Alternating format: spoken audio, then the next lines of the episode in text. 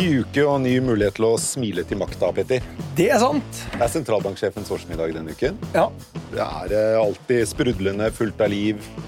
Masse spennende underholdning. ja. Dette er vel Høy, eh, høyt, høyt under taket.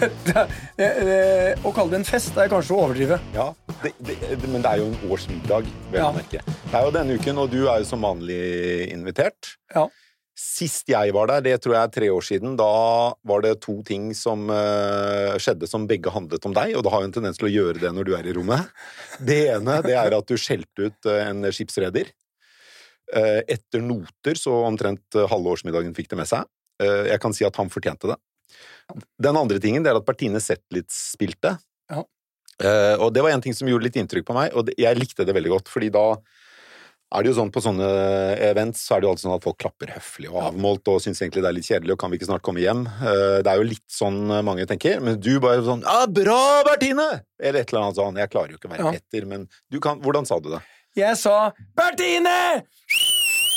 Suverent levert! Sånn gjorde du det. Så de som satt på, mitt, på min side av bordet, de eh, fikk jo, om, de fikk jo helt sjokk. De fikk For de satt der med den derre De fikk krokodillekarpacchoen eh, Ja. rett i fanget.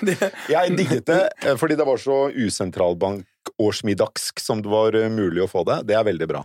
Hvilket bord satt du på da det året? Jeg tipper jeg Jeg husker ikke nummeret, men jeg, jeg satt nok på et bord ute i periferien av Rokokosalen på Grang. så- Ja, men du var inne i salen? Ja, jeg hadde en veldig hyggelig Jeg hadde blant annet han Kallevik, han som leder eiendomsinvestering til Norges Bank, ja. ved siden av meg. Ja. Utrolig fin fyr. Masse spennende å snakke om. Men eh, jeg var ute i kulda, i den grad man er det i den salen. Bare at du er der, er jo litt stas. Ja, fordi det er jo det med jo, jo nærmere du sitter sentralbanksjefen og finansministeren, Ja. jo mer i eh, maktens sentrum er det jo, Ja. bokstavelig talt. Og det er jo hvem du sitter på bordet med. Det har mye å si. Ja. Det definerer liksom litt hvem du er. Pleier du å sitte på sentralbanksjefens bord? Det, jeg har aldri vært i nærheten der. Er du eh, Har bytta bordkort et par ganger for å Er du en olivensteinkast unna Jeg vil si jeg kunne nok spytta en oliven så langt, men jeg er ganske god på å spytte oliven. Ja, Så ok. jeg, men det er jo sånn Dette er jo egentlig det, det, det, det skjer jo ingen stor overraskelse. Det begynner jo med eh, talen hans eh, i banken, eh, hvor alle er til stede. Basically alt av presse og næringsliv og hvem, som, hvem er hvem liksom i norsk næringsliv, er der. Og da er det veldig mange av de som er veldig viktige, sitter langt foran. Jeg har eh, nesten eh, de samtidig, de siste årene sittet på nest bakerste rad med eh, Trygve Hegnar. Ja. Eh, for å høre hans alltid treffende kommentarer. Live-analyse Live-analyse. Ja. For han skal kommentere det etterpå. Ja. Ehm, så, og så spaserer man ut til Grang, eh, og så har man Noen tar faktisk buss, og det er jo ikke langt å gå. Nei, men det er jo, en, det er jo gjennomsnittsalderen er høy, og det er jo øh, mye menn. Uh, og hvis ikke, alle har, hvis ikke du har tatt med deg ispiggene, så er jo Ja. noen redd for å skli og brekke lårhalsen. Så, men så går man på middagen. Og den middagen, man går ikke dit pga. maten eller underholdningen. Nei, du går jo der av folkene og, og, og bare det å kunne være der. Jeg tror det, jo hvis man er ærlig, det er, du må, det er stort sett relativt øh, beskjeden på vinsiden. Mm. Er ok mat, som et hvilket som helst øh, høyfjellshotell. Mm. Eh, og så er, det, er talen da fra sentral, eller fra liksom de makta. Ja, men talen er jo først, før du går til Grang. Ja, men så, så er det også en interessant. Ja. Det er Takk for maten-talen. Der var det Ja, en er statsminister for noen år siden morsom. som eh, dro til ganske kraftig. Ja, det stemmer det. Vi skal ikke nevne han, men han hadde vel tatt et par glass vin for mye. Ja. Men du eh, Nå prater vi oss helt bort. Vi snakker oss øh, Fullstendig. eh, både- Men det er én ting jeg må si, som er fantastisk. I år så måtte jeg etteranmelde meg, som ikke er vanlig, for jeg hadde glemt Den hadde gått i spamboksen min. Så, og faktisk du som minnet meg på at øh, Så jeg måtte jo i hu og hast melde meg på. Ja. Og det er en interessant ting. De utvikler de også i banken. altså. Nå skal vi få bordplasseringen på SMS før middagen. Men det, tror jeg du har gjort noen år. Du tror det? Det er bare din uh, Ja, vi går videre. ditt entourage Ja, som har mottatt den tekstmeldingen for deg. nå? Ja. Ja. La oss begynne med podden. For dagen før eh, sentralbanksjefens årsmiddag så er det City-konferansen, en ganske stor konferanse som Norsk Eiendom arrangerer, og der har jeg eh, hatt eh, Ja, så jeg gleder meg jo, men jeg gruer meg litt òg, fordi det er et stort ansvar. Jeg skal lede den dagen eh, og intervjue en hel haug med mennesker. Og blant dem som kommer der, er en av våre gjester i dag. Karoline Krefting, velkommen. Takk. Vi skal være i et panel sammen litt ute på dagen. Det skal vi. Gleder meg veldig til. Ja, det blir veldig gøy. Eh, Ja. Du er jo investeringsdirektør i Karusell, som er eh, Det er, det er jo din far, vel, som opprinnelig startet det. Eh, Advokat Krefting, som satset stort på eiendom. Eh, Riktig. Vi kan komme litt tilbake til, til Karusell og hva dere driver med nå, men det, det er masse spennende. En annen som også skal på sidekonferansen, det er deg, Kaja Skovborg Hansen, som er daglig leder og gründer, tror jeg, av Vippa i Oslo. Det stemmer. Vært med fra starten av, ja. Mm. Som er mathall. En, nok en mathall i Oslo sentrum. Mm.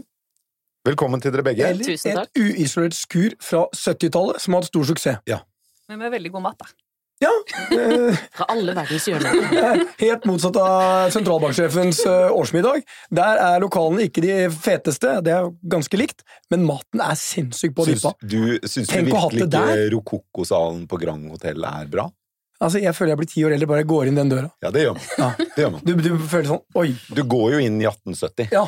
men uh, det er jo et flott Men tenk hvis de hadde dratt det og hatt liksom middagen på Vippa. Mm. Det hadde vært fett, det. Det hadde overrasket. Ja, med Karpe liksom som spilte. Ja. Ok, vi går tilbake. Jeg ser- for de som bare lytter nå, Per rister på hodet, for jeg er langt utenfor kjøreskjema. Ja, nei. vi går videre. Kan Altså, du ta oss pent inn her? Nei, det klarer jeg aldri. Da men kan jeg gjøre det. Ehm, Karoline, dere har kjøpt en tredjedel av alt som er av restauranter og sånn bakkeplan i hele Bjørvika. Eh, Det er superhemmelig hva investeringen er. Dere gjør det sammen med Madison, stort eh, New York-basert investeringsfond. Ehm, og dere eier en eh, god del av det. Ingen sier er, hvor stor investeringen var. Eh, definitivt under fem milliarder. Over én. Jeg tipper tre milliarder. Svært løft. Men er ikke for mange spisesteder nå i Oslo.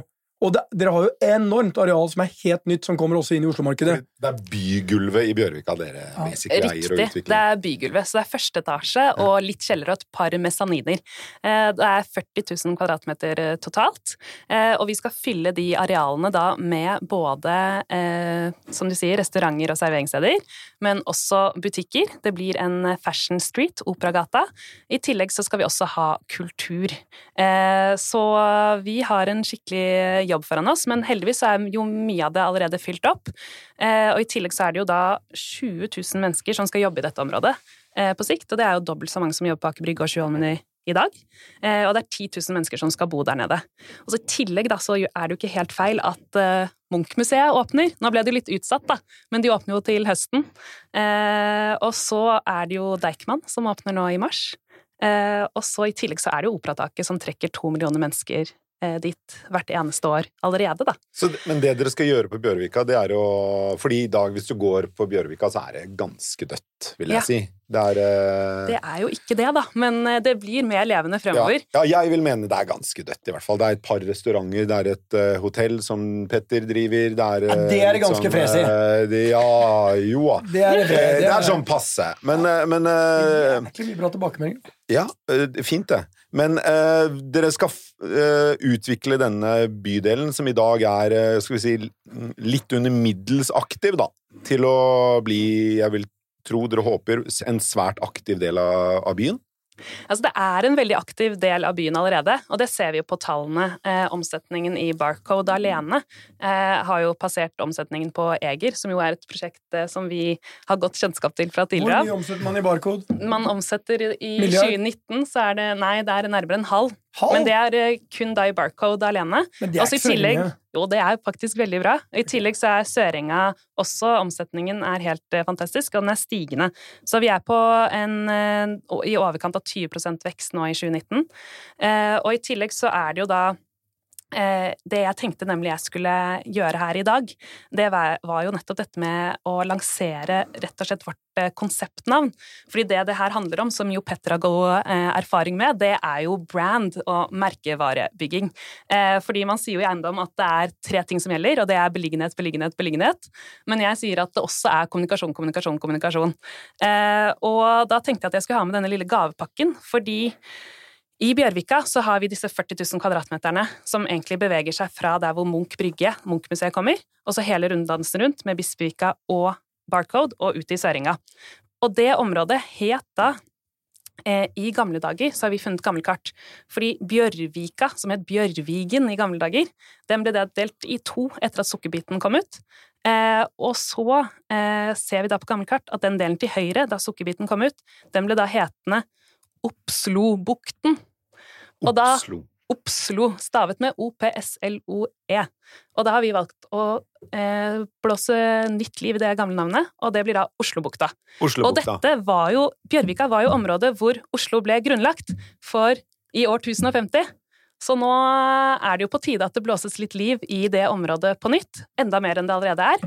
Og du vet jo allerede, Petter, det er jo masse mennesker som allerede er der nede i området. Jeg har vært innom hotellet ditt flere Ja. ganger. Så Men, jeg, men, men, men la oss komme tilbake uh, liksom de harde fakta her. fordi at uh, det er jo etter Aker Brygge, etter Tjuvholmen, etter alt som skjer Det kommer enormt mye restauranter.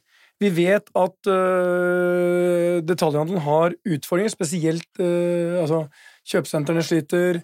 Det er en god del av de gamle uh, hovedgatene som sliter. Um, og det er det dere skal fylle med, som Fashion Street, restauranter og kultur. Og vi, kultur er ikke mye penger i. øh, det andre sliter. Hvordan skal dette bli lønnsomt? Dette bli, det er allerede lønnsomt, og det skal bli lønnsomt basert på hvilke konsepter man nettopp velger. Altså, vi må prøve å se på når vi skal etablere bygulvet der nede, så tenker ikke vi bare på hvilken leietaker er det som nå vil nødvendigvis betale høyest mulig leie. Vi må tenke hvilke trender er det, hva er det menneskene vil ha. Så det vi gjør, er at vi snakker med da eh, både de som bor og jobber der nede, og så eh, tenker vi også på de som skal besøke området. For eksempel så har jeg nå snakket med veldig mange som jobber i DNB. Hva er det de savner? Og jo, alle de, de savner én ting, og det er øl. Eh, de satt alltid før på Bear Palace bak i Brygge Tjuvholmen da de satt der borte. Det er ikke bra. Og det nå- eneste vi savner de, DNB, er øl. Jo, det er faktisk jo- det de har sagt, eh, og da er skal jo- vi gjøre noe med det. Så vi har jo nå fått signert en avtale annet med Akershus-gruppen, og de skal da, som driver Bear Palace, de skal nå få øl til, eh, til Oslobukta, og skal servere det da til blant annet NB-ansatte. Så jeg snakket med konsiersen hos deg òg, da, i Klarion, og de, han sier også at han savner en ting. Øl. Nei? Mm, Aner ikke. Kan han savne noe i det hele tatt? Ja, han savner at det er et uh, mattilbud etter klokken ti om kvelden, fordi det er veldig mange av hotellgjestene hos dere som sjekker inn da litt Kaja, sent. kan du komme med noe mattilbud der? Vippa på, i Oslobukta? Jeg blir jo veldig glad for at du formidler og ønsker å uh, hva skal jeg si, tilrettelegge for at folk som altså Det du egentlig sa i stad, var at dere har et mål om å åpne opp noen av de lokalene, og kanskje ikke fokusere på å ta inn de aktørene som kan betale høyest mulig husleie. For da slipper man kanskje inn eh, noen folk som sitter inne med en drøm, sånn som vi jobber litt med på Vippa, eh, som kanskje ikke har de samme forutsetningene for å starte opp ting. Og det kan jo òg gjøre at man velger noen som eh, ikke er fra Norge, og at man inkluderer andre kulturer, som trekker andre mennesker til området, enn kanskje akkurat bare de som bor der og har kjøpt seg leilighet der. Um, ja. Vippa øh, kan ikke Altså, dette området da, som nå for fem minutter siden ble omdømt, omdøpt til Oslobukta og allerede er blitt omtalt som det tre-fire ganger siden, det er så rart med det, hvordan sånt sniker seg inn. Det er bra. Um, det er, består jo da det, det starter sånn røftlig der hvor operaen ligger, ligger, gjør det ikke det? Og så jobber det seg bortover i retning eh, Gamlebyen og Ekebergåsen, og så tar det en sving ned til eh, Sørenga, som er eh, Ja, du får det ikke stort daure, spør du meg. Eh, Det er jo et gudsforlatt sted med stort sett bare Vandring i skyggenes dal. Virkelig fett- eh, betong sandstrand. og mursteinbygårder. Veldig negativ i dag, Per. Veldig uh, ja, negativ. veldig. Jeg- jeg sa jo innledningsvis at jeg var muggen i dag. Ja, og det bærer preg av. Men har du, den badestranda der funker bra. Den badestranden er jo kjempefin. Men det er et svært område som skal utvikles og bli, fylles med mer liv. Og, og der er Vippa ligger litt sånn uh, utpå tuppen her. Vi ligger jo helt på tuppen av Vippetangen. hvordan, altså, hvordan oppsto denne ideen om å lage Vippa? Som er et sted veldig mange i Oslo drar nå, særlig om sommeren, da, vil jeg tro. Mm. Altså Initiativtakeren av Vippa, det er jo Heidi Bjerkan, som driver Credo restaurant i Trondheim. Og så er det Erlend Mogo Larsen, som sikkert også mange kjenner til. Og bare sånn, credo, credo i Trondheim, det er det shit. Norges beste restaurant, ja. ja. Nå er det bare sånn at Ja. for de av dere som ikke har vært i Trondheim, det er liksom Og hun uh, er jo en profil uh, ikke bare i Trondheim, men langt utenfor det. Ja. Ja, og mye av liksom visjonen vår, det er jo på grunnlag av hva Heidi har jobba med de siste 20 årene. ja. Og, Og hun har bodd på Kampen i mange år. Hun kjøpte seg en leilighet der da hun var 18, faktisk, og har tatt eh, bussen ned til Vippetangen og tatt båtene ut derifra i mange, mange år. Eh, Og hun og Erlend hadde en samme tanke om at man måtte fylle det skuret med noe, som er et gammelt sukkerskur fra 1973. Så man meldte interessen til Oslo Havn, og så ble det en eh, som vanlig en konkurranse om hvem som skulle få det skuret. Da. Så fikk vi det til slutt. All ære til Oslo Havn som valgte oss. Som ikke kanskje hadde heller de samme forutsetningene for å starte opp noe der som noen andre aktører hadde hatt. og hvordan vil du beskrive Vippa? Hva er det for et type sted? Åh, det er jo det beste prosjektet i hele Oslo. Eh, men det er jo eh, en samlings, samlingsplass, en møteplass, for bønder, produsenter, uerfarne, erfarne restaurantører, eh, befolkningen i Oslo, og besøkende av denne byen. Eh, og det bærer jo preg av at vi har mye fokus på mangfold og inkludering, og at eh, vi har jo liksom Åssen skal man si det? Man har jo åpna opp eh, stedet på en sånn måte at alle føler seg velkommen. Det er i hvert fall tilbakemeldingen man får. Og så kan man du kan spise seg og drikke og alt mulig. Det er eh, enkelt forklart en mathall. Ja, for det var det jeg lurte på, egentlig. Hva er det egentlig, bortsett fra? Det er en mathall. Er Så jeg kan, jeg kan gå der for å spise og, ja, og drikke. og Ja. Så har den beste Altså, når vi snakker om beliggenhet Beliggenhet er jo liksom Det er jo en er jo kjempefin fineste beliggenhet. Ja, det er kjempefint. Men det jeg lurer på, da, Mm. tilbake til Petters eh, opprinnelige spørsmål som, Hvor mange steder er det egentlig mulig å tilby en relativt liten by som Oslo før det er litt for mange restauranter? Karoline, eh, er- er det sånn at er målet bare å flytte omsetningen fra Tjuvholmen og Aker Brygge over til Barcode? Nei, vi skal tilby, tilby noe annet, men det man ser er jo at, at i Oslo så spiser jo eh, unge, altså mellom 20 og 30 år, de spiser jo nå to til tre ganger i uken ute. Eh, I tillegg så er det jo trenden i Sør-Europa og i USA er jo at de spiser veldig mye mer ute der enn det man har gjort historisk sett i Norge. Eh, så det vi egentlig gjør, er at vi møter jo sånn sett en trend som allerede er, går i den retningen. Eh, og nettopp i forhold til det vi snakket om i sted, med dette med kjøpesentre og sånn, hele tanken nå er at man må, når man skal skape en destinasjon, hvorfor skal folk komme til oss da istedenfor å dra til kjøpesenteret? Jo, da er det nettopp fordi da kan du sitte ute i solen, og du kan drikke en en ikke bare en øl, da, kanskje en Fanta, eh, samtidig som barna kan ta og bade på Sørenga eller stikke innom Munch-museet, og så kan du få med deg Kanskje du kan shoppe litt i gaten, samtidig som du kan dra innom Jernia hos oss og kjøpe deg det malingsspannet, fordi men jo familier en vil jo ha eh, sånn praktiske ting samtidig, ikke sant? Men de 11 eller 10, 8-9 andre månedene hvor det er sånn som i dag, det regner litt, det er Mhm. kaldt, da sitter du ikke ute, sola er ikke der, eh, så eh, Det frister jo ikke å, ta en, å spankulere ned dronning Eufemias gate når eh, det, vinden Den- står gjennom den gata i en, feb, en februardag. Men ref i går, da fikk vi med oss at det var ganske dårlig vær. ja. Og da var det stappfullt på Vippa. Og folk trasker ut. Og det er kanskje fordi at vi har lagd Den et tilbud uisolerte vippa. Den isolerte Vippa. For Ja, når du, når du var der og øvde i basseng Ja, for fire år siden, husker ja, du det? ja, jeg husker, jeg glemmer jo aldri det. Mitt forhold til vippa, du, da, ja, ditt forhold til Vippa, det er litt morsomt, da, egentlig. der var det kaldt. Men Ja. det, er vel, det er vel stort sett sånn at det er flere folk på Vippa i eh, juni Vi har selvfølgelig en høysesong fra november. april til oktober, og så Ja. er det tøffere å drive det stedet eh, i de vintermånedene. Ja. Men eh, det man ser, eller vi, våre besøkende er jo liksom alt fra barn, unge, eldre. Eh, ja, det er veldig, veldig mangfoldig, og Vippa sin eh, fordel Jeg pleier jo egentlig å tulle litt med at Vippa kan ses på som en Hva skal man kalle det? Altså, Egon restaurant er jo kanskje en av de restaurantene i Norge som tjener mest penger. Ja. Veldig mye penger. Og jeg spør meg jo spørsmålet om hvorfor, men de har en stor meny. Det er lett å komme med familien sin, ta med masse folk. Alle finner eh, ting de liker på menyen. Og egentlig så kan man sammenligne litt det med hva Vippa er. Men altså når det gjelder dette med å få ut til når det er dårlig vær, da, så gjelder det å ha andre aktiviteter som trekker folk til området. Og vi er nå i dialog, det er bare litt tidlig å, å avsløre alt som skal skje i Oslobukta, men det er nettopp det å ha også andre ting som, kan, som får folk til å ønske å dra ned dit. Eh, og vi ønsker å tenke kreativt, og vi er veldig åpne for eh, at eh, aktører som har en spennende idé innabords, skal kunne komme til oss og nettopp etablere seg. Fordi kultur kan være veldig mye forskjellig, eh, og folk ønsker opplevelser, de ønsker å ha møteplasser, eh, og de ønsker noe annet enn nødvendigvis bare den shoppinggaten, så det er de andre tingene vi bygger rundt, som jo vil gjøre at folk også drar innom oss for å handle. Men så kommer, hva vil du sagt, så kommer Max Burger fra Sverige, Sveriges mest suksessrike hamburgerkjede, ja. og sier vi vil gjerne ha 700 kvadratmeter, beste beliggenhet i Oslobukta, hva sier du da? Betaler godt da sier jeg at vet du hva, vi har faktisk nå ikke noen ledige lokaler på 700 kvadratmeter i Eller Oslo. Eller si 500, da. nei, vi, da man, nei, men det handler om å ha en bredde, da. Altså sånn, men tar du McDonald's, Max Burger eh... Nå har ikke jeg lyst til å snakke ned eh, spesifikke Nei. konsepter eller opp, men det som er forholdet, er at vi må ha en bredde. Så hos oss er det veldig opptatt, vi er opptatt av kvalitet for alle. Og kvalitet det kan være alt fra tailor-made, som har jo, donuts hos oss, til ja, Du har et konkret, du har et tilbud. Max Burger vil ja. inn. Svær restaurant, supersuksessfulle. Folk står i kø om natta for ja. å få en uh, VG-burger. Ja. Tar du det inn?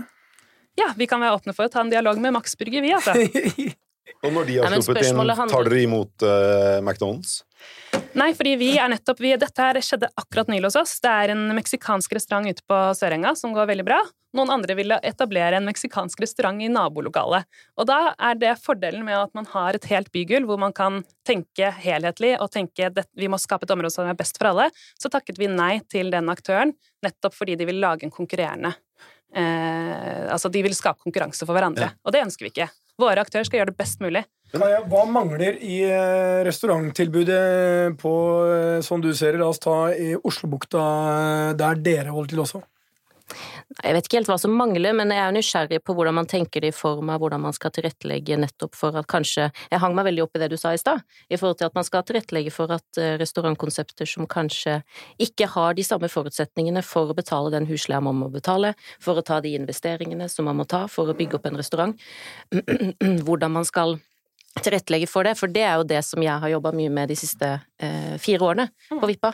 Eh, og det vi satte oss som mål fra starten av, at vi bygger ferdige leiligheter som folk kan flytte inn i. Investeringsgraden og risikoen, den er ikke så stor, og da skjer det helt magiske ting. Eh, og det tror jeg liksom Vippa-modellen bør jo tas med i mindre eller større skala for folk som sitter med makt og egentlig et ansvar for å tilrettelegge for mangfoldighet og inkludering i denne byen. Men sa hun at hun ville ta investeringer og akseptere mye lavere husleie? Jeg følte ikke at hun sa det. Nei, men vi, det er nettopp det vi er åpne for, da. Altså, for oss er det mye viktigere å få riktig konsept, eh, og et konsept som vi tror at folk ønsker å ha. Altså så lenge vi tror at eh, besøkende til området eller de som bor eller jobber der, nettopp ønsker dette produktet, så er vi veldig åpne for å ta en større andel av investeringen. Det gjør vi allerede, og det har vi gjort for flere aktører. Men hvis du har en, du har en indisk restaurant som er villig til å betale si 3000 kroner kvadraten, og en indisk restaurant som er villig til å betale 4000 kroner kvadraten Da kommer det helt an på konseptet. Altså, Er dette et konsept vi tror Det er ikke noe vits i for oss å investere i masse penger i en aktør som ikke eh, vi tror er liv laga, selv om de sier at hei, vi vil betale en kjempeleie. Okay. Altså, det er mye viktigere for oss at vi tror at det er et konsept som vil vare de neste fem til ti årene. Da. Okay. Eh, fordi vi tar en stor investering. Nei, så. En ting jeg lurer på... så handler det mye om møtet med menneskene, for det er veldig veldig vanskelig. Sånn som på Vippa, da, så har jo vi eh, når, du, når, vi møtte de menneskene som vi har Vi har hatt 20 restauranter innom da, de siste fire årene. Og har, vi har ettårskontrakt med alle. Og de, de, skal jo egentlig eh, Det er jo et springbrett hvor de skal flytte ut etter et år, og så er det noen som har fått lov til å bli, og noen har funnet at ikke restaurantyrket var noe for dem likevel. Men det er jo personene du møter som egentlig eh, gir deg eh, hva skal jeg si, svaret på om dette kan bli noe fint eller ei. Mm. Eh, men veldig mange av de som sitter inne med ordentlige drømmer om For eksempel så har man kinabolle på Vippa, da, som var lærer på universitetet, har alltid hatt en drøm om å lage dumplings. Kinaboller? Kinabolle. Ki ja, er, det, er, det, boller, eller er det Det er dumplings. Og det er dumplings, det er dumplings. ja? Okay, det er ikke boller. Dumplings er veldig godt. Men hun eh, slutta som men, jeg, men, det er nettopp det Men det er det som er så fint da, med nettopp Men da er spørsmålet hvordan man åpner opp, for vi, mange spør ja, men hvordan har dere fått inn disse restaurantkonseptene. Nei, det vi gjorde, var at vi bare la ut info om søk, og så tok vi møte med alle de som faktisk søkte. For det går jo ikke an å se på en e-post eller en CV eller hva man enn Det går overhodet ikke. Så vi tar jo, og man må jo møte dem. og man må møte Kaja, menneskene. Det høres ut som den rene Jeg snakker om møte med menneskene. Ja, men altså, jeg snakker om noe annet. Det er greit. Ja, det, og dette er mitt spørsmål. for at det, dere har jo et stort lokale som dere betaler ekstremt lav leie på. Så fremleier dere til 20 virksomheter som tar risiko for å etablere seg der, på korte kontrakter. Så dere er jo egentlig bare en mellommann for å liksom fasilitere en bra kontantstrøm til de som hadde ideen. Mm, Altså, dere sitter bare mellom Oslo havn, som leier ut til dere, og 20 restauranter, og tar noe midt imellom der, sånn av en fi. ja, eller vi tar en fast husleie fra Per de mattilbyderne. eller i omsetningen. Nei, fast husleie. Ikke, Fast husleie. ikke, ikke omsetningsbasert. Så dere er garantert å få en x antall kroner, og så tar dere. Men dere har ikke noe risiko på drift, ingenting. Nei. Det er jo helt genialt. Så lenge Eh, ja, folk går men ut og altså- spiser, da. Ja, så Ja, så lenge, men folk- dette er jo Ja. liksom det som er fordelen med å starte opp et sted sånn som Vippa, som egentlig kan overføres til et sted sånn som Bjørvika, at man er jo liksom et helhetlig konsept Men, som markedsfører seg eh, sammen. er- Og men jeg skal bare kommentere nei, ja, én ting på det Petter nå skal jeg, ba, jeg skal Ja, bare skyte inn et spørsmål her nå, Kaja. Ja, Fordi det er en ting som eh, Det er jo et par premisser som har dominert hele den samtalen til nå. Det ene er jo at eh, folk i Norge, eller Oslo-folk, spiser mindre ute enn eh, i de fleste andre land. Men at det er en trend mot at stadig flere, også her hjemme, går ut og spiser oftere Mm. enn før. Og unge spiser ut da to til tre ganger i uken. Mm. Eh, hvis norsk økonomi virkelig begynner å butte, arbeidsledigheten stiger, eller renta stiger, hva skjer da, Karoline? Det har vi jo sett før, da. Det er eh, For det første reiser man jo noen ganger da mindre til utlandet. Det er ofte det det går på.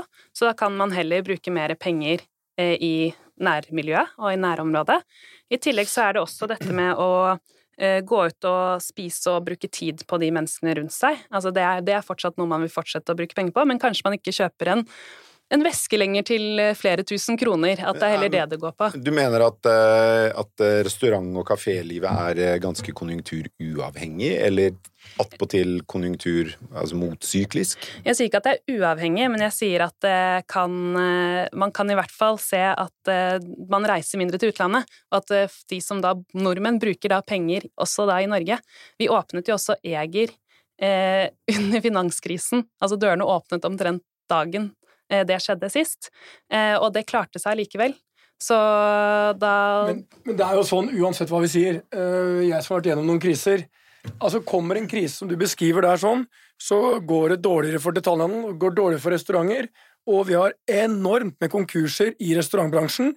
Og det er et faktum at lønnsomheten er for dårlig, det er for lite fokus på det. Og, Og konkursraten øker jo når konjunkturene faller. det er 100 eh, så, eh, Og jeg tror at du får en periode nå med alle de restaurantene som kommer i Oslo, at det blir tøffere. Mm. Og det er jo selv gamle aktører som har hatt problemer. Vi hadde jo en her, Umi, og de sliter jo. Mm. Det har gått aktører som har vært med i veldig mange år, eh, har jo gått konkurs. Så vi har sett veldig mange eksempler på restauranter som har starta, som har investert masse, og som har omtrent ikke fått åpna butikken før de er konkurs. Så jeg tror å tro at det er noe enkelt i den penger i restaurantbransjen, det tror jeg bare er eh, tull.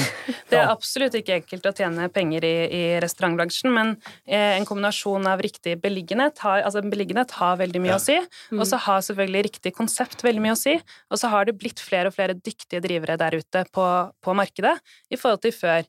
Eh, så det blir nok en hardere og hardere konkurranse for å etablere seg, fordi nå hjelper det ikke bare å åpne dørene og Nei. sette et nytt malingstrykk. Nei, du, må tror- gi, du må komme med noe annet, og For jeg tror komme med er, veldig, mer, da. det er veldig mange som driver med e- eiendomsforvaltning og satser mye på kafeer og restauranter, som sier det at det er en makrotrend at folk går mer ut og spiser og sånn, men jeg lurer på om mange forveksler en makrotrend med en økonomisk oppgangstur, og at eh, når den er over, så er, er makrotrenden borte som dugg for solen. Fordi det er ikke en makrotrend, det er det at vi har det bra, vi Uh, har det gøy, vi har god råd, uh, så vi går ut og spiser oftere. Men, ja, men folk har jo også litt mindre og mindre tid, da. Eh, og så velger man å bruke den tiden på forskjellige ting. Ja. Eh, og da når Ja, for mindre og mindre tid tror jeg er en Ja. makrotrend. Og når man da ser i andre land som jo har, har opplevd økonomiske kriser Jeg sier ikke at, eh, at ting vil øke når, hvis det blir en økonomisk nedgangsperiode, Mm. men man bare ser i andre land, så er ikke det betyr ikke det nødvendigvis at alt går konkurs, Nei. men det betyr at man må være flinkere, og at det er sikkert flere som det vil gå negativt utover, men ikke nødvendigvis alltid alt, da. Nei. Utfordringen er litt at eh, når retail går ut, så går ofte restauranter inn. Um, og da blir motivet for uh, gårdeieren ofte jeg må fylle det lokalet med et eller annet. Og uansett god eller dårlig restaurant, så tar alle noe av kaka. Og selv om den kaka er vi alle enige om at den blir altså, jeg spiser mer ute enn mine foreldre, og mine barn spiser mer ute enn meg, og sånn kommer det til å fortsette. Det er vi alle enige om. Men det, vi må liksom ta inn det faktum at det kommer enormt mye restauranter i Oslo nå. Mm. Eh, og markedet vokser ikke så fort, så noen kommer til å få problemer. Får vi en liten nedtur, kommer, kommer til et ras av konkurser i restaurantbransjen. Og så var Men jeg tror det er viktig å tørre å ta sjanser, da. Og tørre å tro Ja. på konsepter, og prøve å se hvilke trender er det som kommer. Hva er det, hva er det man tror på? Da må man snakke med menneskene. Man må tenke hva er det de vil ha? Det er jo det som er gøy med eh, både det med utviklingen på Vippa, men også i Oslobukta. Nettopp det at vi får lov til å tenke på menneskene, vi får lov til å snakke med menneskene. Og så får vi lov til å, å være med på å eh, realisere noens drømmer, da. På å etablere Det er nettopp en ny restaurant. ja, ja, det er- Kaja, kommer masse Vippa positivt. Til Trondheim, Bergen, Stavanger, Stockholm, København? Hva syns du? Nei, altså, jeg er ikke hovedaksjonær i Vippa enda, men Nei, vet hva, vi eh, vet ikke, vi vet ikke helt hva som er en uh, har du noen plan? Uh, Ja, vi har en plan om at Vippa bør eksistere som modell, men i hvilken form og farge, det er ikke helt uh, Ligger noe klart. ekspansjon i planene? Det bør gjøre det. Bør, Det i, Hvis du hadde spurt Per, så kan han si at i gamle rettsdokumenter så er bør skal leses som skal. Nei, men nå er det jo, så det har seg jo sånn at ja, jeg er Vippa har jo vært på, Vippa har jo vært på en midlertidig kontrakt Ja. i fem år. Og den kontrakten går jo ut i 2021. Ja, nettopp. Og den har jo ikke vi fått forlenga. Blir den ikke forlenget heller? Den eller? blir ikke forlenget. Nei, så dere vil Eh, trenge nye lokaler, dere, neste Vi år? vil nok trenge en ny lokasjon. Eh, men det er jo snakk om å Dette går jo tilbake til hvordan Vippa liksom har eh, klart den, å få til det Vippa har fått til de siste årene, og det har jo mye med beliggenhet å gjøre. Eh, Så klart, men så er det jo òg, som jeg føler rundt prosjektet, at det er eh, Ja. Selve liksom modellen av hvordan vi driver stedet, det bør jo kunne tas med videre og, og få Jeg en har- suksess et annet sted. Jeg har overskriften til VG. Oslo havn Vippa ut. Ja. Men, Per, som gammel redaktør, Men Petter, gi meg litt, gi meg litt, gi meg, Du- gi meg ett poeng for den. men jeg ga deg jo kred, men jeg syns den var veldig mye bedre første gang enn når du gjentar nå. En- en- en- Fordi en vits er alltid best første gang. Jeg, jeg, jeg, jeg utvikla vitsen. Ja, det, du, du, ja. du eh, det er Men eh, midlertidighet syns jeg er spennende å snakke om, for ja. det har jo eh, Selv om det er, hva skal man si, det er jo litt rart at vi skal flytte, eh, men samtidig det eh, jeg tror både for Oslo Havn sin del og for Vippetangen sin del, og altså fremtiden til området, så har man jo vist at det bør ligge noe der ute, og det bør kanskje bli enda Var ikke den midlertidigheten også litt av Vippas suksess? Nettopp det at eh, dere var der, det var et kult initiativ i påvente av at hele den bydelen er, skal utvikles. Jo, eh, jo det kan det vet jeg, Det føler jeg egentlig ikke at jeg kan svare på. Men eh, de, altså, man, vil jo, man vil jo fortsette å gjøre noe av det Vippa har gjort i det området. Man vil jo fortsatt gjøre det publikumsvennlig. Det skal jo ikke plutselig bygges leiligheter der, Nei, sånn som jeg vet, Hvertfall. nei, og hvis eh, Vippa som lokal skal fortsette, så skal jeg Noe av det du er innom nå, som er ganske farlig, det er hvis du har en kort kontrakt, og du lager eksempel Vippa som blir en kjempesuksess, så kan man lese regnskapene at la oss si at Vippa tjener bra med penger. Mm. Når den kontrakten går ut, så kan i prinsippet Per komme og by en høyere leie, for han ser at ja, si at dere tjener 10 millioner i året, så tenker han jeg kan betale 3 millioner mer i leie, fortsatt tjene 7, og jeg kan bare gå inn og overta hele infrastrukturen og hele konseptet, alt sammen. Mm. Kanskje bortsett fra navnet. Mm. Um, og det der er, er veldig farlig, eh, og det, der er det veldig forskjell på Norge og Sverige. For når en kontrakt går ut i Norge, og det kjenner sikkert du veldig godt, så går den ut. Så hvis jeg har en veldig god virksomhet, som jeg alltid passer på at jeg har forlenget kontrakten mye tidligere enn eh, den er i ferd med å gå ut. Jeg må gå til Karoline og si 'nå vil jeg fornye'. Ja, men du har fem år igjen. Jeg vil fornye for ti år til. Hvordan er det i Sverige? Er det sånn I Sverige så har du noe som er helt fantastisk, som heter besytningsskydd. Det betyr at det, hvis du skal bli kasta ut Si at eh, jeg driver AS eh, Egg og Bacon, som er en bedrift vi har vært innom før her, og jeg tjener masse penger. Så ser noen av konkurrentene mine Oi, han tjener masse penger, nå går kontrakten ut. Vi går til eh, AS Krefting og sier til de vi betaler mye mer. Jeg står uten noen ting, får ikke fem øre. I Sverige må du betale en multippel på den inntjeningen jeg har påvist de siste årene. Så det er mye dyrere å kaste ut noen. Og den som har laget konseptet, den som har laget type Vippa, vil få eh, en bra kompensasjon for det. Jeg syns den modellen er mye bedre, og den er eh, mye viktigere for de små aktørene enn de store. Og det har vært flere saker på det i Sverige, og erstatningen har vært opp mot 100 millioner Mm. på restaurantsiden. På restaurantsiden. Ja, for det må på en måte være samsvar mellom investeringene og forventningene i forhold til den Men tidsperioden? går, kontrakt går ut i 2025. Vår kontrakt? Ja. 2021. 20, så den går ut Etter- straks. Et og et halvt år. Den går ut neste år. Så det betyr at Og, og de har ingen Men andre for, hovedgrunnen for at den går ut, er fordi at hele bygget må rives fordi de skal restaurere hele kaia. Og det er jo positivt for Vippetangens fremtid, hvis jeg skal Altså, bygget er borte. Bygget skal bort, ja. Men investeringene vi har gjort, som å legge inn masse strøm og litt forskjellig sånn, det blir jo til nestemann. Det, Og det er jo fint. ja, men det er ikke noe, Mens det skal rives, er det ikke så mye igjen. Uh, Nei da, eller det er hvordan du ser på det. Man kan jo ta med seg alt, da. eh, og konteiner container og Dere, eh, vi begynner å nærme oss slutten her, men det er én ting jeg eh, lurer på um, til slutt, og det er, som tar oss litt tilbake til begynnelsen, om det er plass til alle disse stedene. Fordi mm, hvis, vi, hvis vi forutsetter at det vil komme stadig flere nye mennesker til Oslo, flere flytter inn, flere turister, eh, og de som allerede bor her, de går ut oftere, bruker byen oftere enn før. Men jeg er likevel ikke overbevist om at hvis du da bygger ut et så stort område som eh, Bjørvika og Sørenga, Vippetangen eh, representerer, så går det ikke utover andre deler av byen. Jeg tror ikke veksten i antall brukere av byen er høyt nok til å matche veksten i antall steder byen tilbyr i årene fremover. Så eh, hvilket hvis, vi, hvis dere kan bare være med på det premisset bitte lite grann, da. Mm. Hvilket, hvilken del av byen tror dere vil være i størst fare for å tape markedsandeler til eh, Bjørvika-området? Start med deg, Karoline. Vær med på premisset. Hvis jeg er med på premisset, eh, så tror jeg jo at eh, Nå har jo en del kjøpesentre, eh, bilbaserte kjøpesentre, Mm. de har jo levd veldig godt ved at sentrum har blitt bilfritt. Ja, sorry, derfor så- jeg, eh, kan jeg bare være, poengtere, eller spisse premisset enda litt mer? Ja. La oss holde oss i sentrum. Hvilken del av sentrum? sentrum? da mener jeg at eh, det Hvis vi holder oss i sentrum, så kan dette her heller gå over den delen som er nettopp bilfri. Altså så Der hvor eh, vi ser at spesielt barnefamilier har trukket seg veldig ut fra Karl Johans gate, for eksempel, fordi de ikke lenger kan parkere bilen sin i området. Eh, Både Aker Brygge, Sjuholmen og Oslobukta eller Bjørvika har jo flere parkeringsplasser. Eh, I tillegg så er det jo dette med at byen, fjordbyen er veldig er veldig på vei da, med både Vippa og, og hele den stripa. Og jeg tror nordmenn kommer til å bli mer og mer stolte av fjorden og naturen, eh, og trekkes eh, mer ut i den retningen. Så hvis det er et sted det kanskje kan gå utover, det er kanskje Karl Johans gate, da. Karl Johans gate, ja. Klassiske Oslo sentrum. Hvem vet? Ja. Hva tror du, Kaja? Jeg syns det er vanskelig å svare på. Men eh, jeg, vet ikke om noe trenger liksom å dø ut. Det handler jo om å gjøre på en måte Ikke dø ut, men tape markedsandeler Ja. til eh, Bjørvika-området. Men hvis man gjør ting interessante nok, eller tilrettelegger for at For jeg mener jo òg at det er veldig mange som ikke kommer seg ut fordi de ikke føler at de har kanskje de riktige stedene å besøke. Eh, Så hvis man Men du måtte være med på premisset mitt her. Ja, jeg vet, men jeg klarer ikke å bestemme meg for hva jeg tenker. Jeg, jeg Du kan er ha kjempe... to, mener- du har sånn 50-50. Ring en venn, eller spør en i salen. Ja, Petter Da spør jeg faktisk Petter, spurt. Det er veldig smart. Eh, Jeg skal være mye mer konkret.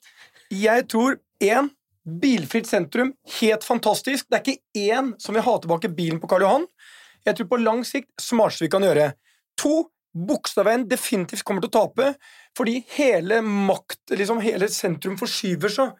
Og det er liksom tidevannsbølgen. Det er, en, det er enorme investeringer, det er enorme ting som bygges opp. Kontorer flytter, mennesker flytter, 20 000 mennesker skal bo der, 10, eller skal jobbe der, 10 000 skal bo der. Se bare hva Aker Brygge var, liksom. De, de, de, f- du flytter liksom hele aksen. Så jeg tror du får en enormt sterk akse nå som går basically fra Tjuvholmen, Aker Brygge, forbi Karl Johan og ned mot da det kulturområdet. Elsker alt som skjer med Munch-museet, operaen, Deichmanske, alt sammen. Problemet jeg ser der nede, det var ikke planlagt med tanke på at det Eufemius gate er jo 100 meter vid, og det er, det er ikke bygd for at det skal være litt sånn hyggelig å gå der og øh, sånt noe. Det er, der har Aker Brygge vært mye flinkere. Så jeg tror det kommer til å være mange tapere, få vinnere, men definitivt det området har tidevannsbølgen. Jeg tror også det. Jeg tror at eh, hvis man går eh, opp Karl Johan, nei, opp Bygdø allé i dag, så ser man jo hvordan en bydel kan dø. Sånn. Eh, butikk for butikk, egentlig. Det er, jo, det er jo dødt. Det har vært det i ganske mange år, men det blir stadig dødere å gå oppover Bygdø Bygdø allé. Det forvitrer. Og til slutt så blir det et eh, nabolag av Og der fjernet eh, man også parkeringsplassen. da, ja, det, ja, men jeg er usikker på om det handler så mye om bilfritt sentrum. Jeg tror Nei, det er handler mer om at uh, det er en, for, en foreldring av befolkningen Mm. som ikke ønsker et restaurant- og kaféliv i første etasje, uh, kombinert med at uh, det er nye områder i byen som utvikler seg, Mm. sånn at det forvitrer. Og jeg tror, jeg er enig med Petter, jeg tror liksom Bygdø allé det vi har sett der, kommer vi til å se i stadig økende grad også i Bogstadveien. Det blir en døre og døre gate, fordi det er så sterk eh, trekning mot eh, mot eh, eh, sjøen. Eh, og på Aker Brygge og Tjuvholmen så er det sterke nok eh, investorer i ryggen til å satse på det og gi det liksom fornya kraft når det trengs, hvis de møter for mye konkurranse fra Bjørvika. Så Bjørvika og Aker Brygge Tjuvholmen tror jeg kommer til å klare seg veldig bra. Bogstadveien ville jeg ikke kjøpt en bygård i nå. Hvis jeg hadde pengene, da. Ja, Det siste premisset var ganske viktig. Det vi- det er jo helt urealistisk. så- Det siste premisset må vi jobbe litt med, tror jeg. du er jo fullinvestert på ene jeg, jeg, er allerede. ja, jeg er jeg det. kan, jeg kan si meg enig for så vidt i det. Og en siste ting da er jo nettopp dette med at eh, Oslo, eh, altså Oslo S med, med kollektiv, og Mm. altså det er 55 millioner årlig på, eh, på Oslo S, og det er forventet at det skal bli 100 millioner i årene som kommer. Ja. Altså det, er, det utvikles jo, én ting er bil, men også offentlig kommunikasjon tilrettelegges jo mer og mer i typ nasjonalt, på Ja, Nationaltheatret? Se bare på og, og Oslo Og S. så tror jeg du vil se liksom, Slottsparken Ja. kommer til å være begynnelsen på det nye sentrum. På en måte. Ja, alt, alt bak Ja. Slottsparken dør eh, litt etter Det er litt. kjempetrist. Nei, jeg er enig. Det er litt trist, men det er sånn det er. Nei, nei, Det er ikke trist, kjempetrist, det er ikke men jeg, trist. jeg, jeg mener jo at vi kan ikke stå her heller og si at, ting kommer liksom til å forsvinne helt. Da må man jo begynne å stille spørsmål ved hvordan man skal starte da, Men jeg tror men Det er din skyld. Det er din skyld. urettferdig at en fugl Men- spiser en mark. Nei, men er Men sånn er Det- livet. Det, er Men for vi å støtte Kaja det jeg vil inn på, er bare Da må man jo stille spørsmål om hvordan man skal snu tilbudene som er der oppe òg, da. For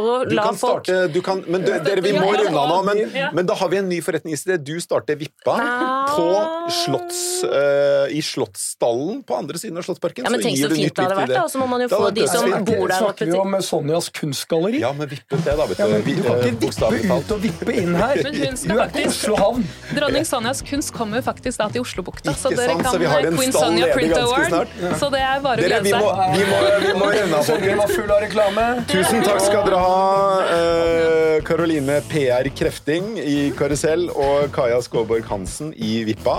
Uh, Truls Johansen har produsert denne sendingen som alltid før. Vi snakkes igjen neste uke, Petter. Lykke til på sentralbanksjefens årstale. Jeg gleder meg allerede. Åh.